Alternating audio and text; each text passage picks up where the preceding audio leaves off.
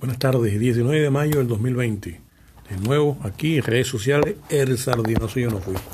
Es interesante lo que, lo que vamos a plantear hoy porque, bueno, hay un desgaste ahí natural en, la sociedad venezolana donde el opositor, opositor normal desde el proceso político que al menos se está iniciando desde 1998, este, 22 años después, ahora ellos a nivel nacional, la gran mayoría, lanzan la culpabilidad de todo lo que está pasando sobre primero el gobierno de Hugo Chávez Frías hasta el 2013 que falleció y del 2013 a esta parte siempre responsabilizan está sucediendo en el país al gobierno de Nicolás Maduro. Bueno, queremos comentar, queremos decir de que nosotros estamos muy conscientes de, de cualquier falla que el gobierno pueda tener. Indudablemente hay una debilidad en la gestión que se puede dar en cualquier momento histórico de, la descripción política de un gobierno y eso sucede en todas las culturas. Nosotros entendemos que no hay una perfección a ultranza en la manera de gobernar a un país. Eh, con esto queremos decir que no somos defensores a ultranza de, de las políticas gubernamentales porque entendemos que como cuadros políticos de la revolución, tenemos que ser muy críticos y muy descriptivos de lo que está pasando. En ese sentido, reconocemos la falla que cualquier gobierno. Esto es normal en un grupo humano que, que está sometido a tantas tensiones desde la, la conducción política, desde el Ejecutivo. Pero lo que nos parece impresionante es que esta gente de la oposición, en su gran mayoría, desde 1998, asumen una posición de que no quieren entender que lo que estamos pasando ahora, el tema de la falta de agua, luz, eh, sin efectivo, sin alimentos, unos precios exponenciales que aumentan de manera diabólica, eh, la aparición de grupos planes en las zonas populares del país, las guarimbas, la violencia, las conspiraciones de calle, todos esos factores eh, de contrapoder desde la oposición han ocasionado esta situación en la cual ahora estamos viviendo en el país, mayo del 2020.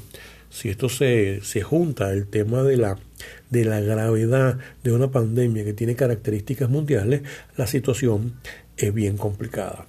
Pero el programa de hoy tiene esa necesidad de puntualizar de que no podemos seguir en una situación donde toda la culpa la tiene el gobierno revolucionario y a la oposición se le olvida con mucha liviandad todo ese trabajo que han hecho los Borges, los Ledesma, los Tintori, los Simonovi, los Guaidó fuera del país, haciendo lobby desde hace varios meses, varios años, para malponer a la República Bolivariana de Venezuela ante el imperialismo y que sencillamente no, no jodan.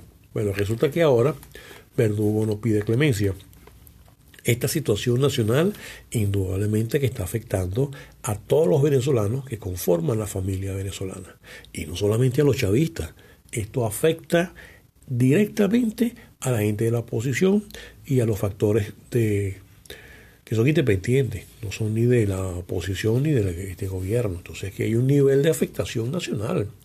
Y esta situación es producto de esa acción perversa, malinche, rastacuera de los crápulas, de los traidores a su propio país.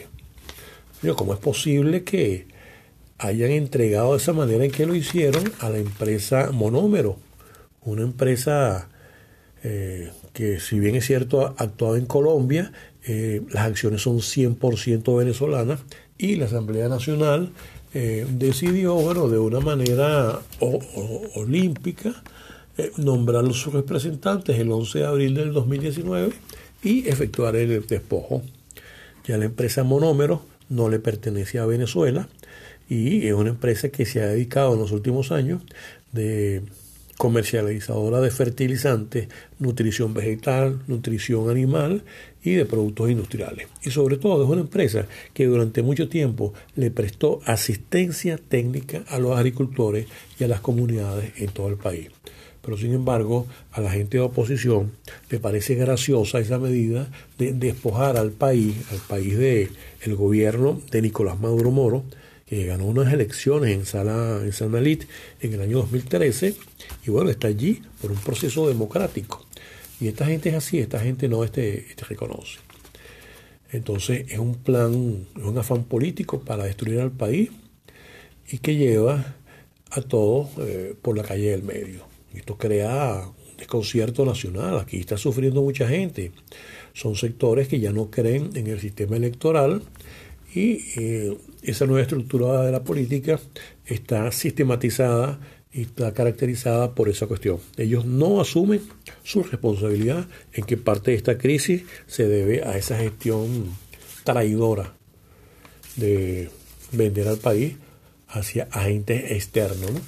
Entonces ahora es preocupante que mientras que vienen una serie de buques del país de Irán para socorrer a Venezuela por el tema de la falta de combustible, bueno, esto va a crear roncha y todos estos factores están creando sus obras.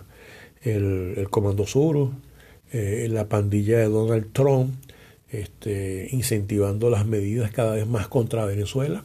Y todos sabemos que Irán, Irán sufrió un golpe muy fuerte cuando asesinaron el 3 de enero del 2020 al general Qasem Soleimani, allá en el aeropuerto internacional de Bagdad, en Irak.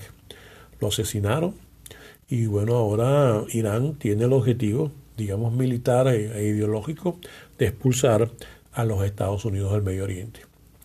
Y la pregunta es entonces, ¿qué va a pasar con qué estrategia, con qué actitud perversa, fascista, eh, intervencionista van a venir los, los países estadounidenses, las autoridades estadounidenses militares a anteponerse a esta ayuda que quiere hacer el gobierno iraní a Venezuela. Lo que sabemos es que ese general Soleimani Qasem fue asesinado en un ataque con drones eh, y él era un héroe de la revolución, de la revolución iraní, era el jefe de las fuerzas Quds y por lo menos tuvo ocho años como eh, comandante de una de las divisiones del ejército iraní y eh, él tejió una vanguardia, un liderazgo bien efectivo, sobre todo en esa lucha contra el Estado Islámico en Irak y Siria. Y bueno, ese es el tema, ese es el tema que nos lleva para terminar este programa a la pregunta, ¿por qué el señor y el ciudadano Juan Guaidó no está detenido en estos momentos. Bueno, esto ha sido todo por hoy. Eh, se despide David Morales Cabrera de el programa El Sardinazo Yo No Fui.